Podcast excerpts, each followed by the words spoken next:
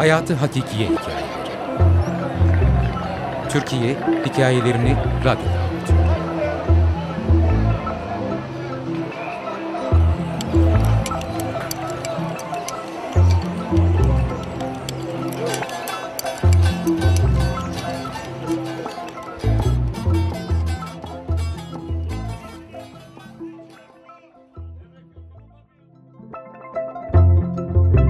Bilinmez.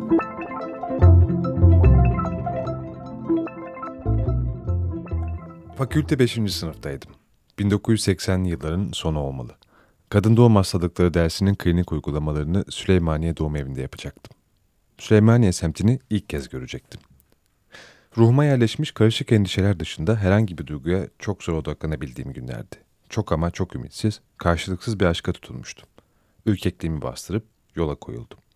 Soğuk, ıslak bir gündü. Gideceğim yerde beni bekleyenlerle ilgili duygularımın da etkisiyle iyice ağırlaşan bedenim taşlaşmıştı. Ayaklar geri geri giderken de ilerlenebildiğini o gün öğrendim. O günden aklımda kalanlar kopuk kopuk. Düz bir yolda ilerlerken bir köşeyi döndüğümü hatırlıyorum. Döner dönmez karşıma çıkan görüntüye hazırlıksızdım. Başımın döndüğünü, bastığım yerin kaymaya başladığını hissettim. Yüksek dolma taş duvarlarla çevrili medrese, cami ve mezar taşları arasındaydım. Parke taşlı dar sokakta ilerlerken ulaşmaya çalıştığım günde bilmem kaç bebeğin hayatın ilk soluyla ciğerlerini doldurduğu Süleymaniye doğum evine giden yol sanki ölümün, ölülerin yolu gibi gelmişti. Hayatla ölüm arasındaki aralığının kırılganlığında sıkışıp kalmıştım. İçine düştüğüm mutsuzluk yeşermek isteyen ama her nedense solup gitmeye yüz tutan kalp kafesimdeki kapanın tuzağıydı. Nasıl, ne yoldan geldiğimi hiçbir zaman bilemeyeceğim doğumhaneyi asla unutmadım. Doğum masasında bacakları iki yandaki yüksek bölmede yerleştirilip bağlanmış genç bir köylü kadın doğum yapıyordu. Tecrübeli olduğu belli, ellerinde bir doktor yaptırıyordu doğumu. Herhalde kişiliğindendir diye düşündüğüm, belki de yıllar içinde kemikleşmiş duyarsızlığından hoşlanmadım. Bir hemşire genç kadının karnına abanmış bastırıyordu. Bu acılı işlemin çocuğun ilerlemesi için yapıldığını öğrendim. Anne adayı kadın acı çekiyor, inliyor ve hafif çığlıklar atıyordu. Karnına var gücüyle yüklenen hemşireden biraz soğuklanmak için mola istiyor, yalvarıyordu. Hemşire alaycı, küçümseyen nazarlarla kırıtıyor. Gebe kalırken yaşadıkların hoşuna gitmişti ama değil mi? Hadi durma, var gücünle kınmaya çalış yoksa bebeğin havasız kalacak diye azarlıyordu kadını. İlk nefesin alındığı yerdeki insanların kalabalığı, özensizliği, koşulların berbatlığı karşısında şaşkın, allak bullağım. Midem bulanıyor, biraz önceki baş dönmesi tekrar başlıyor. Ne işim var burada diye soruyorum. Kurtulmak istiyorum ama yapamıyorum. Kaçma arzum kalma zorunluluğunun gölgesinde silinip gidiyor. Yeterince aydınlık olmayan pil salonda sıra sıra masaların üstünde yatan kadınlar var. Ayakta dolananlarsa daha yaşlıca birilerinin kolunda zorlukla adım atıyor, inliyor, sancıların sıklaşmasını, şiddetlenmesini ne de çok istiyorlar.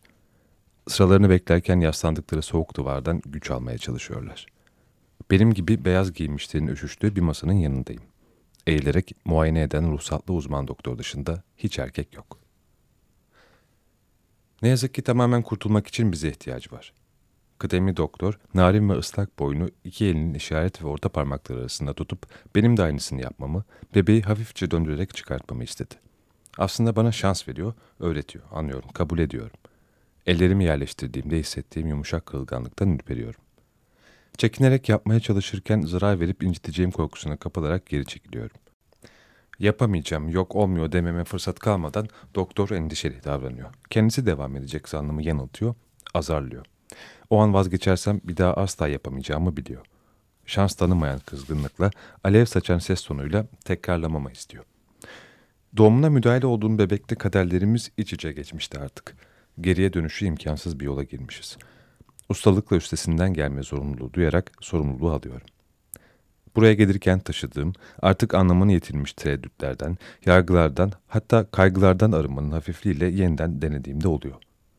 Acıyla karışık arzusuyla inleyen annesinden ayrılmaya çalışan bu küçük başı tutan narin boynu özenle çevirerek dışarı doğru çekiyorum. Bebeğin gövdesinin kayarak ilerlerken hem kendisine hem de bana yardım ettiğini hissediyorum. Ele yumuşacık yerini sıkıca kavrayıp tutuyorum. Cildi ıslak, sıcak, beden nemli. Cinsiyeti neydi hatırlamıyorum.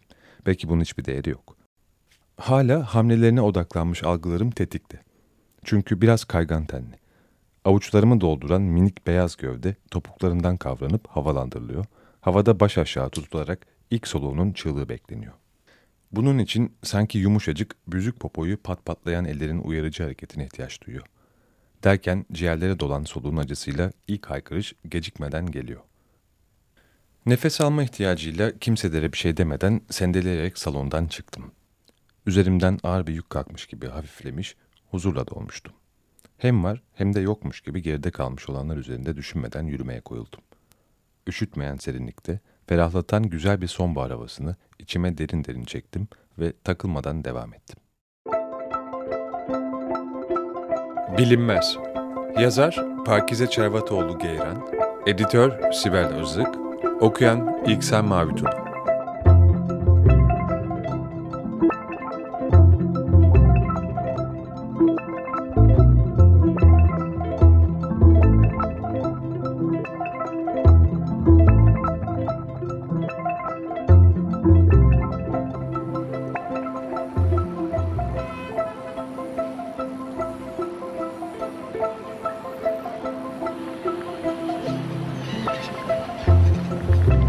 Hayatı Hakikiye Hikayeleri Türkiye Hikayelerini Radyo'da